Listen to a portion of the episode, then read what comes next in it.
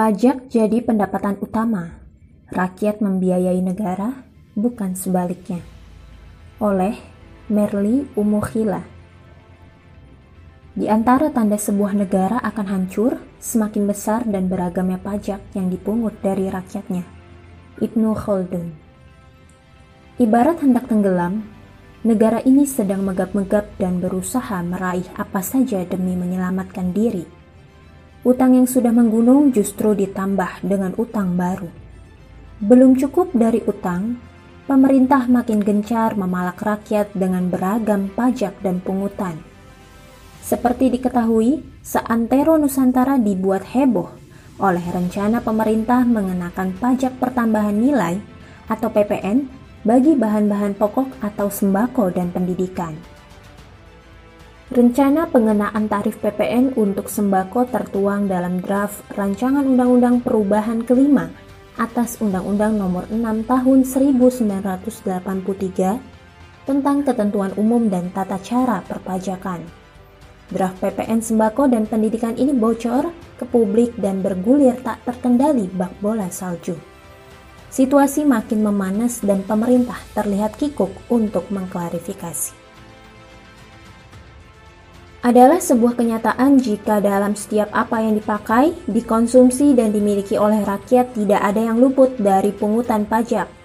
Setiap produk yang dikonsumsi sehari-hari, kendaraan yang dimiliki, rumah dan tanah yang ditinggali pun kena pajak. Jadi, tidak berlebihan jika dikatakan bahwa saat ini faktanya negara yang dibiayai rakyat, bukan rakyat yang dibiayai negara. Belum lagi kebutuhan pokok yang selalu mengalami kenaikan karena mekanisme pasar dikendalikan oleh pemilik modal. Beban pajak dari setiap produk memberikan dampak domino yang berimbas pada tingginya harga suatu barang. Sayangnya, pemerintah hanya menjadi regulator dan tidak bisa menentukan kebijakan pasar. Celah ini pun akhirnya dimanfaatkan para kartel mengendalikan harga untuk mengeruk keuntungan sebesar-besarnya.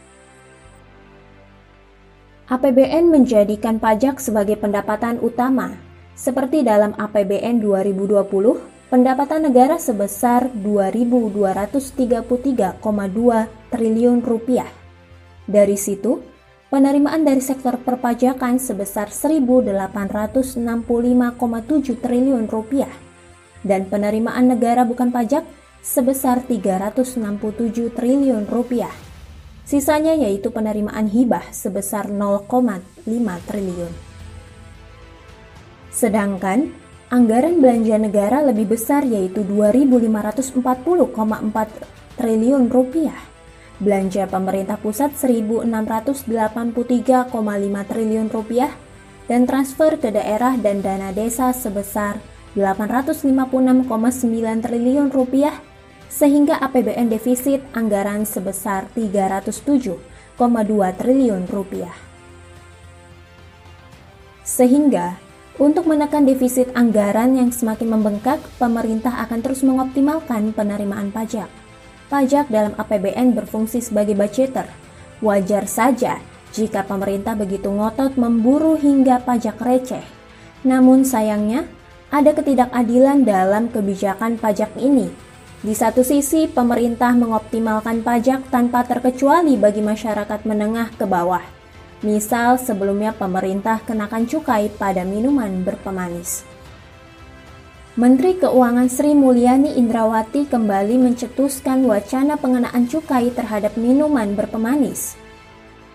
Usulan ini sejak setahun yang lalu disinggung dengan alasan banyak masyarakat yang terkena penyakit diabetes mellitus sebuah alasan yang terkesan memaksakan. Potensi penerimaan cukai sebesar 6,2 triliun rupiah inilah yang disinyalir menjadi alasan. Hal ini diperkuat oleh pendapat Waketum Kebijakan Publik dan Hubungan Antar Lembaga Gabungan Pengusaha Makanan dan Minuman Indonesia. Rahmat Hidayat mengatakan pihaknya menolak rencana penerapan cukai untuk minuman berpemanis. Rahmat menilai Kebijakan itu hanya beralasan untuk mendongkrak penerimaan negara, bukan pengendalian konsumsi. Di sisi lain, pemerintah justru memberikan taks amnesti atau pengampunan pajak bagi pengusaha dan konglomerat. Kebijakan ini dalam rangka membujuk pengusaha dan konglomerat untuk melaporkan kekayaannya yang disimpan di luar negeri. Bahkan, pemerintah berencana memberikan taks amnesti jilid 2 yang sebelumnya memberikan pengampunan pajak jilid 1 yaitu tanggal 1 Januari sampai 30 Maret 2017. Menjadikan pajak sebagai pendapatan utama negara adalah ciri khas ekonomi kapitalis. Begitu juga yang diadopsi oleh pemerintah saat ini. Ketika anggaran belanja mengalami defisit, maka pemerintah akan melakukan berbagai opsi di antaranya, memaksimalkan penarikan pajak, mengurangi subsidi, dan menambah utang luar negeri. Dari ketiga opsi tersebut justru menambah kesengsaraan bagi rakyat. Defisit anggaran tidak sepenuhnya pembelanjaan negara untuk kesejahteraan rakyat. Perampokan uang rakyat yang terstruktur, sistemik, dan masif membuat kas negara bocor. Beragam motif korupsi dilakukan oleh pejabat pemerintah secara kolektif dari jajaran atas hingga kelas pegawai. Praktek korupsi ini menjangkiti seluruh lembaga negara, terutama pada Kementerian Pekerjaan Umum dan Perumahan Rakyat atau PUPR yang mendapatkan anggaran infrastruktur lebih besar dibanding kesehatan dan pendidikan. Pajak dijadikan sebagai sumber pendapatan negara adalah sebuah kesalahan sistem bernegara. Seandainya seluruh aspek dikenai pajak sekalipun tentu tidak akan mampu menutupi defisit anggaran, sehingga karut-marut kas negara tidak bisa diatasi hanya dengan berganti rezim, apalagi hanya berganti kebijakan. Harus ada perubahan yang fundamental untuk mengakhiri kesengsaraan dalam sistem kapitalis. Wallahu a'lam bishawab.